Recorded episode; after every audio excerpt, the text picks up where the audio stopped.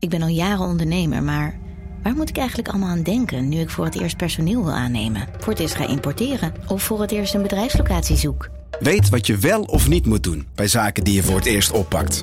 Check kvk.nl voor praktische stappenplannen. KVK, hou vast voor ondernemers.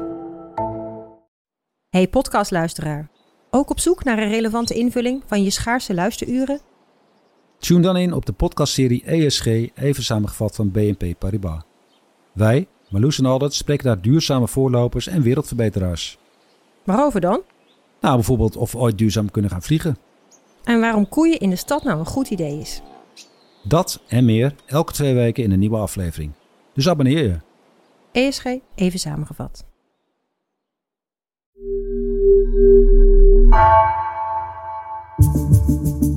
Vanaf de redactie van NRC het verhaal van vandaag.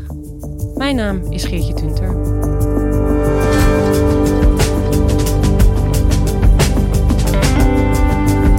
Al meer dan 20 jaar stuurt NRC, vlak voor de Tweede Kamerverkiezingen, redacteuren naar wijken door heel Nederland.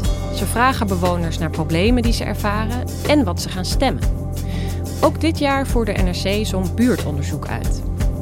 Redacteur Kim Bos verzamelde de resultaten en vertelt over de opvallendste bevindingen.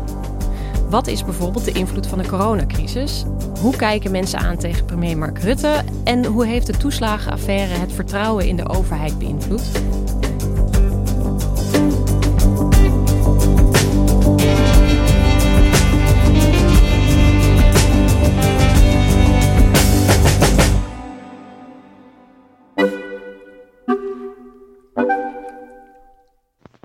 Ben samen met uh, mijn collega in Rooswijk Noord in Zaandijk, een dorpje in Noord-Holland.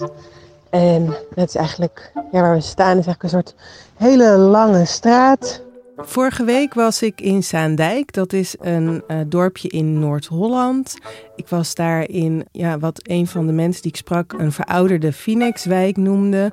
En ik ging daar van deur tot deur om met mensen te praten over uh, hoe zij naar Nederland kijken, wat ze zien als hun grootste problemen, hoe ze terugkijken op tien jaar Mark Rutte en hoe dat hun stemgedrag straks gaat beïnvloeden. Ik ben net de IJssel overgestoken en ik sta hier in de Van Ubelstraat in de, uh, in de buurt Noordelijk Molenveld. Uh, ligt in het noordelijke deel van, uh, van Doesburg. Het oude stadje is hier niet zo ver vandaan. En ik was niet de enige die dat deed. Met in totaal 32 collega's zijn we naar 30 uh, Nederlandse buurten geweest... waar we met 304 mensen hebben gesproken. Ik loop hier door de Vondelwijk in Waddinxveen... waar ik de hele dag doorgebracht heb. Ik sta hier nu aan de Heuvellaan in Apeldoorn. En dit is de buurt waar ik uh, ja, nu een tijdje rondloop om mensen te vragen om mee te doen aan ons buurtonderzoek. Het is vrijdagmiddag en we zijn in Arsen aan de Maas in Noord-Limburg. Ik loop in Overvecht in Utrecht. Het is hier super lekker weer. We zijn in Zandpoort, vlakbij Haarlem. Uh, vlakbij de molen, de Zandhaas. Prachtige huizen in een groene omgeving veel net aangelegde tuintjes. Ziet er echt wel keurig uit. Heel veel mensen hebben krokusjes in de tuin, sneeuwklokjes die staan in bloei. En veel orchideeën in de vensterbank. En samen met mijn collega uh, Stefan Alonso heb ik al die gesprekken nagelezen en uitgewerkt en daar ja, een verhaal van gemaakt. Ja, dat zijn een, een boel interviews. Als redacteur spreek je natuurlijk de hele tijd met mensen. Maar het is niet zo vaak dat je zomaar aanbelt uh, met een specifieke vragenlijst. Hoe reageerden mensen daarop? De meeste mensen hadden best wel zin eigenlijk om hun verhaal te vertellen. En dat is niet zo heel erg gebruikelijk uh, als, je, als je zomaar bij mensen gaat aanbellen. Maar ikzelf en mijn collega's hadden eigenlijk het idee dat dat ook wel uh, door de coronacrisis komt. Omdat mensen het fijn vinden om even te praten met iemand die ze niet kennen. Want dat gebeurt natuurlijk veel minder nu. Het valt me wel op het overal waar ik kom, uh, word ik van harte ja, welkom geheten en hartelijk ontvangen. Er waren ook wel heel veel deuren die nou ja, wel eventjes open gingen, maar daarna snel weer dicht. Ik heb het idee dat sommige mensen denken dat ik een krant kom verkopen. Want zodra ik zeg NRC, dan krijg ik ook nog wel te horen: nee, geen interesse. Maar misschien willen ze überhaupt niet meedoen met het uh, buurtonderzoek. Dat kan natuurlijk ook. Ja, Kim, je zei het al eh, net al eventjes. Dat buurtonderzoek gebeurt dus vaker. Wat is dat voor traditie? Eh, waarom doet NRC dat? Het buurtonderzoek dat is ja, bedacht door onder meer onze collega Dick van Eyck. De eerste keer dat we het buurtonderzoek deden was in 1994. Op de binnenlandredactie worstelden we met een kenniskloof. Enerzijds hadden we de abstracte werkelijkheid van enquêtes over stemvoorkeuren.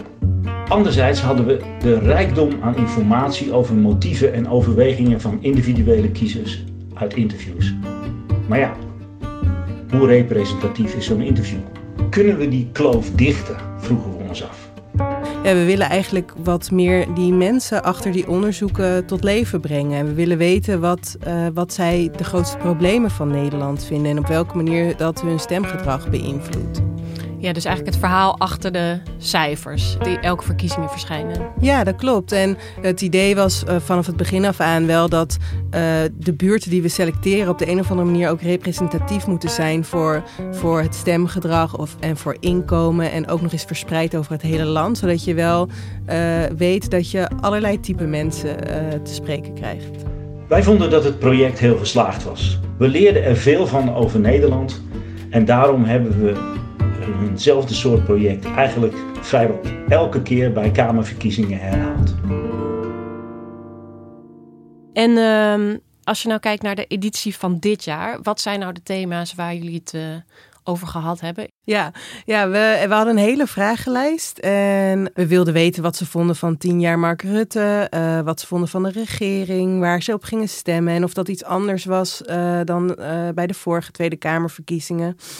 En wat eigenlijk de belangrijkste vraag was die we stelden is: ja, wat vindt u het grootste probleem van Nederland? Ja, best een ingewikkelde open vraag eigenlijk. Ja, en eigenlijk tijdens deze editie van het buurtonderzoek ook de allermakkelijkste vraag. Want verreweg de meeste mensen zeiden meteen de coronacrisis. Wat denkt u, als u kijkt naar Nederland in zijn algemeenheid, wat zijn de belangrijkste ja, problemen van Nederland waar we tegenaan lopen? Tegen die corona. Ziet het maar af te komen. En wat zijn jullie te weten gekomen over de coronacrisis en vooral hoe treft dat de mensen die jullie gesproken hebben? Ja, wat wel opvallend was, is dat het uh, mensen heel erg verschillend treft. Nou ja, je, je, je, je, hebt minder vrijheid. Dus je kunt, je kunt minder, minder uh, vlot wat dingen doen die je normaal uh, even naar de stad gaan, terrasje pakken, dat soort dingen allemaal zit er dit nu even niet in. Ja, het, is, het heeft met name impact gehad op de kinderen. En dat heeft dan weer impact gehad op mij. Heeft dat ook invloed gehad op uh, hoeveel vertrouwen mensen in de overheid hebben? Ja, dat is wel wat lijkt als je naar de antwoorden van uh, de respondenten kijkt. En dat heeft ook wel uh, te maken met iets wat de respondenten het zwabberende beleid noemen. Nou, waarom mag je, uh, mogen bijvoorbeeld kinderen, we hebben drie kinderen, maar waar mogen de kinderen wel onderling sportwedstrijden doen op de hockeyclub? Uh, en uh, mogen ze niet naar de BSO na school? Ja. ja en dan zijn er natuurlijk nog heel erg, twee heel erg duidelijke voorbeelden die veel mensen noemden. Namelijk ja, de bazen die zichzelf niet aan de regels houden. Dus Wopke Hoekstra die gaat schaatsen terwijl niemand mag sporten. Uh, Vert Grapperhaus die trouwt met een feestje. Terwijl we allemaal zo min mogelijk uh, naar buiten mogen. Um, en dat, dat stuit mensen wel echt tegen de borst. Ik vond het heel typerend uh, dat uh, direct na de eerste lockdown we, we, hele diepe zakken bleken te hebben. En dat er ineens van alles kon. En, en ja, dat, dat, dat, heeft mij wel verbaasd. Want als je nu ook weer 8,5 miljard voor onderwijs. als je twee jaar geleden was er geloof ik, ik weet niet meer precies, maar toen was het verhaal dat er, dat er 1 of 2 miljard nodig was voor het onderwijs. En dat kon voor geen. Hè, dat, dat was onmogelijk. dat, dat kon niet. economisch gezien. En nu ineens kan alles. Ja. dat verbaast me.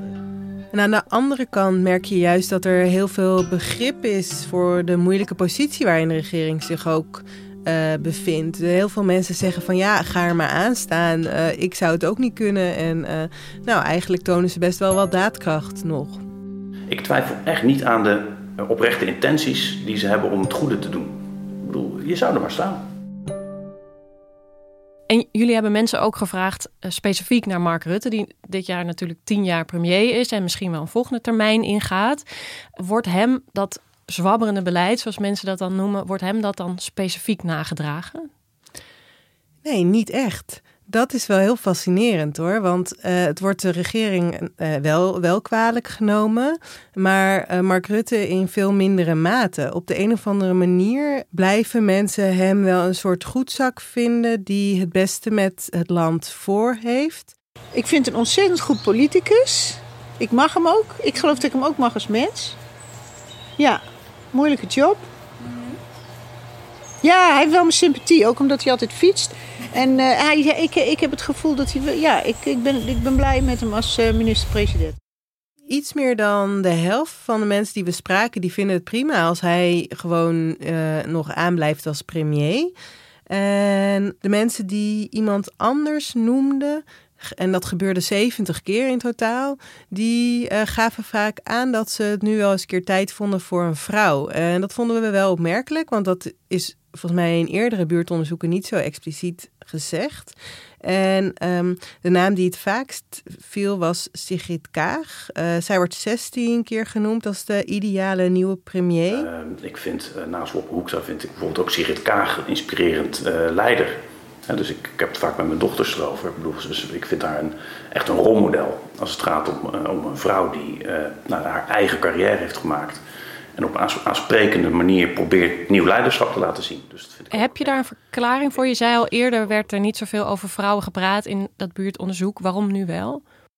Ik denk dat het een beetje een mainstream thema is geworden. Dus dat er, en dat Sigrid Kaag natuurlijk daar ook wel, en Liliane Ploemen ook, daar ook wel een beetje campagne uh, mee voeren.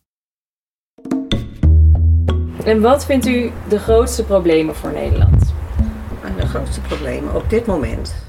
Kim, jullie hebben dus gevraagd naar wat het grootste probleem van Nederland is. Nou, corona, dat is best logisch. Maar wat voor andere reacties kregen jullie daar nog op? Um, na corona waren twee dingen iets wat heel veel mensen noemden, namelijk de woningmarkt en de stijgende prijzen. Uh, maar ook klimaatverandering, dat was iets wat, wat, wat heel vaak ter sprake kwam. Uh, de economische crisis die ons uh, nu misschien boven het hoofd hangt. Immigratie. Um, en ook de individualisering en de groeiende tegenstellingen in het land. Mensen mochten op deze vraag natuurlijk alles antwoorden uh, wat ze wilden. En iets wat ook vaak naar boven kwam is de toeslagenaffaire. Dat is een onderwerp waar we later dan nog hebben, op hebben doorgevraagd. Want we wilden weten van in hoeverre heeft die toeslagenaffaire nou eigenlijk ja, het vertrouwen in de overheid beïnvloed. Uh, de toeslagenaffaire, heeft u daardoor minder of meer vertrouwen gekregen in de overheid? Uh, nog minder. Ja. ja, dat is echt iets dat ik denk, jongens, jongens. Sommige mensen beginnen meteen over discriminatie. Hè? Dus die denken van ja, dus dit maakt echt heel erg pijnlijk duidelijk hoeveel invloed een bepaalde achternaam kan hebben op de manier waarop je beoordeeld wordt. Anderen vinden gewoon dat het laat zien hoe de overheid de burgers niet serieus neemt. Nou, ik vond het herkenbaar dat uh, mensen stuk lopen op uh, dat zij beweren van ik word onju onjuist behandeld. En dat er dan in, met name in de ambtenarij een veel te groot wantrouwen is. Er waren ook wel mensen die zeiden van nou ja, een foutje kan gemaakt worden en ze zijn toch opgestapt. Andere mensen vonden dat opstappen enorme symboolpolitiek een paar maanden voor de verkiezingen. Ik vond het terecht dat het kabinet terugtreedt en, en dat Rutte dat doet uh, en dat hij dat ook draagt. Hmm. En tegelijkertijd voelde je aan alles althans ik wel, uh, dat het niet oprecht was. Ja, en dat, dat, dat schaadt het vertrouwen. Dus je ziet eigenlijk dat mensen gewoon een heel verschillende kijk hebben op de toeslagenaffaire en, en wat die betekent.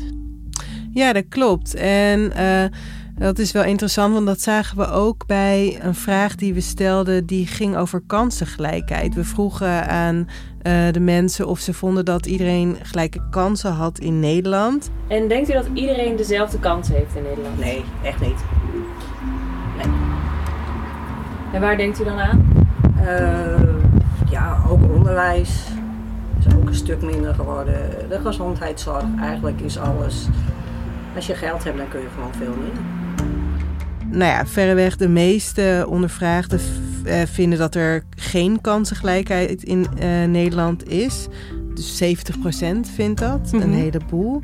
Maar iedereen bedoelt er eigenlijk iets anders mee. Want eh, volgens de een worden bijvoorbeeld mensen met een andere huidskleur eh, gediscrimineerd. Nou, ik, ik denk dat hij wel zichtbaarder geworden is.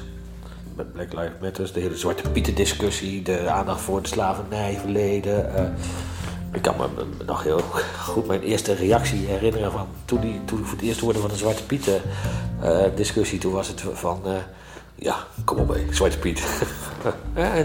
Terwijl je daar dan toch, eh, nou, als je er even over nadenkt, wat, meer mensen hoort, dan denk je, oh ja, nee, zit daar zit een verhaal achter en dat begrijp ik ook. Maar weer iemand anders zei dat eh, ja, ouderen kort worden gehouden. En eh, ik kan me ook nog een opmerking herinneren van iemand die zei dat mensen met praktische beroepen niet serieus worden genomen. Of een vrouw die zei: nou, Ik kom uit een arm gezin, nu gaat het slecht met mijn bedrijf, maar ik heb niemand die me nu kan steunen. Ik kan wel zeggen van, joh, ik denk dat iedereen gelijke kansen heeft. Maar ik heb makkelijk praten. Want bij mij is het, ik heb toevallig af en toe de wind in de zeilen gehad. Maar je zou maar ergens in een driehoog achter eh, net aan de eindjes bij elkaar kunnen, kunnen knopen. En ja, dan, heb je misschien het gevoel helemaal niet dat je alle kansen hebt gekregen. We hebben het af en toe over percentages gehad. Zoveel procent van de mensen vindt dit of vindt dat. Ehm, het is natuurlijk ook goed om even te benadrukken dat dit geen representatieve steekproef is. Ook al is er geprobeerd een diverse groep mensen te spreken. Ehm, maar het zegt niet echt iets over de hele bevolking van Nederland. Waarom is dan toch belangrijk om dit onderzoek te doen? Nou, ik denk dat uh, we, hebben, we hebben dus wel geprobeerd om de mensen zoveel mogelijk verspreid over het land te spreken. Met verschillende uh, politieke voorkeuren en verschillende uh, inkomens. Um, maar nee, om een representatieve steekproef te doen, dat is dan weer een vak apart. Maar ik denk wel dat we op deze manier ja, stemmers en heel, ja, heel menselijk gezicht hebben kunnen geven en uh, aan het woord hebben kunnen laten over hun problemen. We hebben tegelijkertijd ook een uh, onderzoek laten uitvoeren door INO, uh, wat wel een representatief onderzoek is. En dat gaat ook over het stemgedrag van mensen en het vertrouwen in de overheid. En als je daarnaar kijkt, blijkt dat de conclusies die zij trekken wel enigszins overeenkomen met de conclusies van buurtonderzoek. Bijvoorbeeld uit hun peiling bleek dat 50% van uh, de ondervraagden nog best wel veel vertrouwen heeft in de overheid. Uh, nou, dat, dat lijkt wel op wat wij ook constateerden. Ik bedoel, laten we als burger maar wel bedenken dat we het zelf stemmen, hè? Vind ik. Heel belangrijk. We hebben een democratie en dat houdt in dat we zelf mede verantwoordelijk zijn. Nou ja, vier jaar geleden uh, waren de vorige Tweede Kamerverkiezingen. Toen is er dus ook een buurtonderzoek geweest. Welke grote verschillen zag je? Nou, je noemde al even de, de vrouwelijke premier, um, maar er waren vast ook anderen. Ja, zeker. Ja, het belangrijkste is denk ik eigenlijk wel dat uh, rond de tijd van het vorige buurtonderzoek was de teneur altijd een beetje dat Nederlanders zich zorgen maken over de toekomst van het land, maar niet zo heel erg over hun eigen toekomst. En dat was ook wel in lijn met een onderzoek van het Sociaal Cultureel uh, Planbureau. En um, het boek dat de oud-directeur van het planbureau uh, publiceerde, dat heette Met mij gaat het goed en met ons gaat het slecht. En nou ja, dat, dat, dat was wel, vind, vond ik altijd een heel in, interessante constatering. Maar wat we nu zien is dat mensen denken: met Nederland gaat het slecht. Uh, en met mij gaat het eigenlijk ook steeds slechter door de coronacrisis. En uh, de toekomst ziet er nog somberder uit. De coronacrisis, ja, want dat is wat nu leeft. Maar ook uh, hoe we straks verder kunnen. komt er een, een, een testmaatschappij of mag je straks uh, alleen als je een, uh, spuit hebt gehad uh, weer naar een festival? Of, Het is nogal een sombere plek eigenlijk waar we nu terecht zijn gekomen als ik dit zo hoor. Ja, dat klopt. Ja. Dus eigenlijk, is het ook wel heel goed om nog duidelijk te benoemen dat uh, veel mensen ook juist erg veel vertrouwen in de overheid hebben. 50 procent maar liefst. Uh, de, de meeste mensen die vinden het prima als Mark Rutte nog blijft. Nou, als ze allemaal zo verdrietig en ontevreden waren, hadden, ze dat, hadden die mensen dat in ieder geval niet gezegd. Veel mensen die van buiten Europa in Nederland zijn komen wonen, geven aan dat het hier nog steeds veel beter is dan in het land van herkomst. Ook wat betreft de coronacrisis. Um, maar mensen vrezen een beetje voor de toekomst, hè, dat wel. Ja. Maar verder vind ik dat Nederland met, uh, met ons dat we zoveel kunnen zeggen. Heerlijk, hè? Wat hebben we toch een leuk land. Iedereen kan maar roepen wat hij wil. Oh, ja.